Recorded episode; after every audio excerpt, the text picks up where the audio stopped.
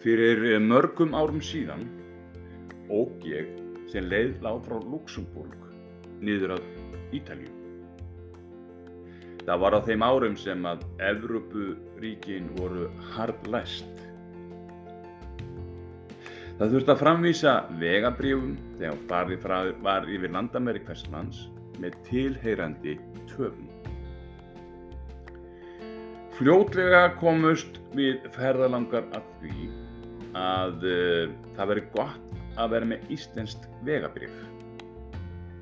Landamæraverðir rétt litu á það og sáu Æsland og veifu okkur í gegn að meðan annara þjóða kvikindi voru tekindi hliðar til nánari skoðunar. Þannig var það þanga til að við ferðalangar komu að landamærum Austuríkis og Ítalíu.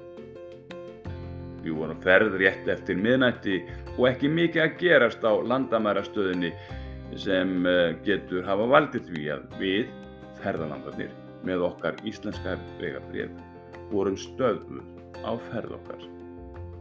Eitthvað sem við, forréttinda púkarnir, áttum ekki að venjast. Þessu tengt var mér hugsað um orð Erlends ferðalangs sem ég fyrir fáinu missurum leið segði á förnum vegi miðborgar Reykjavíkur. Við tókum tal saman. Þar kom að í samtalu okkar að hann sagðist öfunda mig eiga heima á Íslandi og að geta kallast Íslandingur og að vera með íslenskt vegabrif. Það hljóta allar dyr heimsins standa þér opnar með íslenskt vegabrif, segðan. Já og allur heimsins, allar heimsins legðir, hugsaði með mér þegar ég kvatti ferðalangin sem vildi fá sér að borða á Hard Rock og sagði I'm sure there is no shark and black death on table sagðan, er hann arkað út eftir lækjargötunni í hrigningarsuttunum sem aftur leiður hugan að því hvað það er að vera Íslendingur.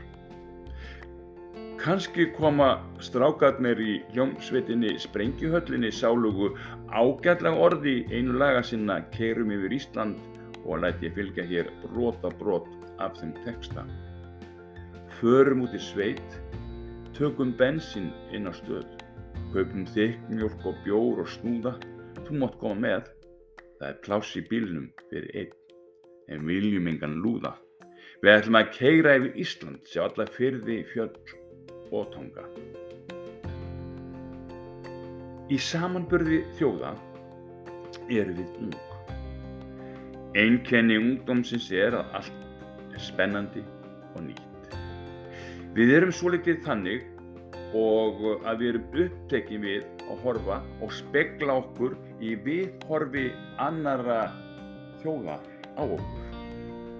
Heimsfrægir einstaklingar með ekki stíga landjér en verða umsvefalaus kallaðir Íslandsvinir. Þetta að hitt fræðarmennir byrti mynd af sér á samfélagsmiðlum og við ætlum að fara úr límingu að einhver frægur segir frá ferðsinum landið í amerískum spjallhætti eins og já Jimmy Kimmel og lofa landið og þjóð hástert. Eins verðum við rasandi hissa ef ekki móðguð þegar við á ferðum okkar erlendist hittum fyrir einstaklinga sem aldrei hafa heyrst minnst á Ísland og hvað þá hvað landið staðsett á jarðarkringlunni. Ekki skal ég segja að landamæravörðurinn sem var á vaktinni rétt eftir miðnætti á landamærastöð Östuríkis og Ítaljum árið virti ekki viðlist að eh, veifa var í framennjan íslensku vegabrifi með íslenska skjaldamerkið hafði það hreinlega leiðst. Ábúðafullur leitan á vegabrifin og í framhaldinu baðan okkur ferðalanga að keira inn á stæði nærri landamærastöðinni og við öll færum úr bílnum. Hann lagði áherslu á það orð með því að setja hendur á byssuskeftið sem lág á mjöðmanns. Eins og hann ætti von á að við myndum reikspóla inn í Ítalíu. Við Íslendingarnir áttum ekki að venjast við að vera stöðu á landamærum ríkja Evropu og hlítum tilskipunni. Þegar við komum inn í stöðvarhúsið voru tveir ábúðafullir landamæriverðir sem tóku á móti okkur. Á bjagar ensku spurði annað þeirra hver okkar var í forsvari fyrir hóttum. Þegar það var ljóst var farið inn í yfirheyslu herbyggi inn af húsinu. Margur hefur svitnað þar hugsaði með mér þegar ég sengvand skipun var beðin um að setjast á stól fyrir framann frekar pasturslegt skrifborð. Loftið var mettað að reykjarsvælu, svonir bland við allra þjóða svitafílu. Brúnaþungur landamæravörðurinn rýndi í vegabrifin sem lágu fyrir framannan á borðinu. Hann benti á skjaldamerki sem skildi sem svo að hann vildi vita fyrir hvað það stæði. Eh, mér vaðist tunga um höfuð og bölvaði innra með mér að ég hef ekki verið döglegri hér fyrrum að fylgjast betur með í skólanum þegar Bjarni kennari af andakipt sagði frá tilur skjaldamerkis Íslands. Hefði verið mjög auðveldara að segja frá því fyrir framann kennaran einhvers, en, en einhvers ítala með yfirvaraskegg og bissu sér við beltistaf, já og, og púandi síkaretu.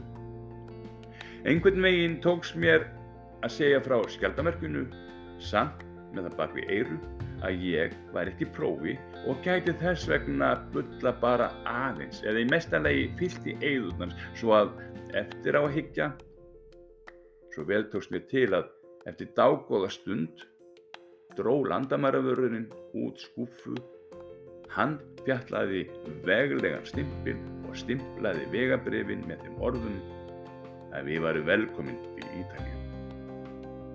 Svona næstum á pari við fermingabarn sem fær stimpil að viðkomandi hafi mætt í messu. Þegar við vorum að leggja í hann frá stöðunni kemur annað þeirra félaga sem pössuð upp á landamærin á Ítalíu þessa júni nótt baðin út öllum öngum þannig að við stöðum því snarasta. Af lestri líkamstjáningu mannsins vildan að bílstjórin rendi niður rúðunni. Hálfvegs hafnaði sér inn í bílinn og spurði Hvað tekur langan tíma að keira frá Íslandi til Ítalíu? Þögnin í bílnum var ærandi. Bara til að segja eitthvað og alls ekki fara að hlæja upp í opið geðið á landamæraverðunum, heyrðist sagt úr aftursötinu það tekur nokkra daga. Þegar kert var fyrstu metrana í ítalska grund, hefði hljómaði eigur mér áður nefnt lag Springjuhallar en það var fáinum áratugum setna sem þeir blöstuðu læginu. Það er júni nótt, enginn sefur rótt, því það er allt og gaman, allt og mikið grín. Er ekki bara best að keira yfir Ísland? Það hefur sínt sig að það virkar allavega fyrir suma.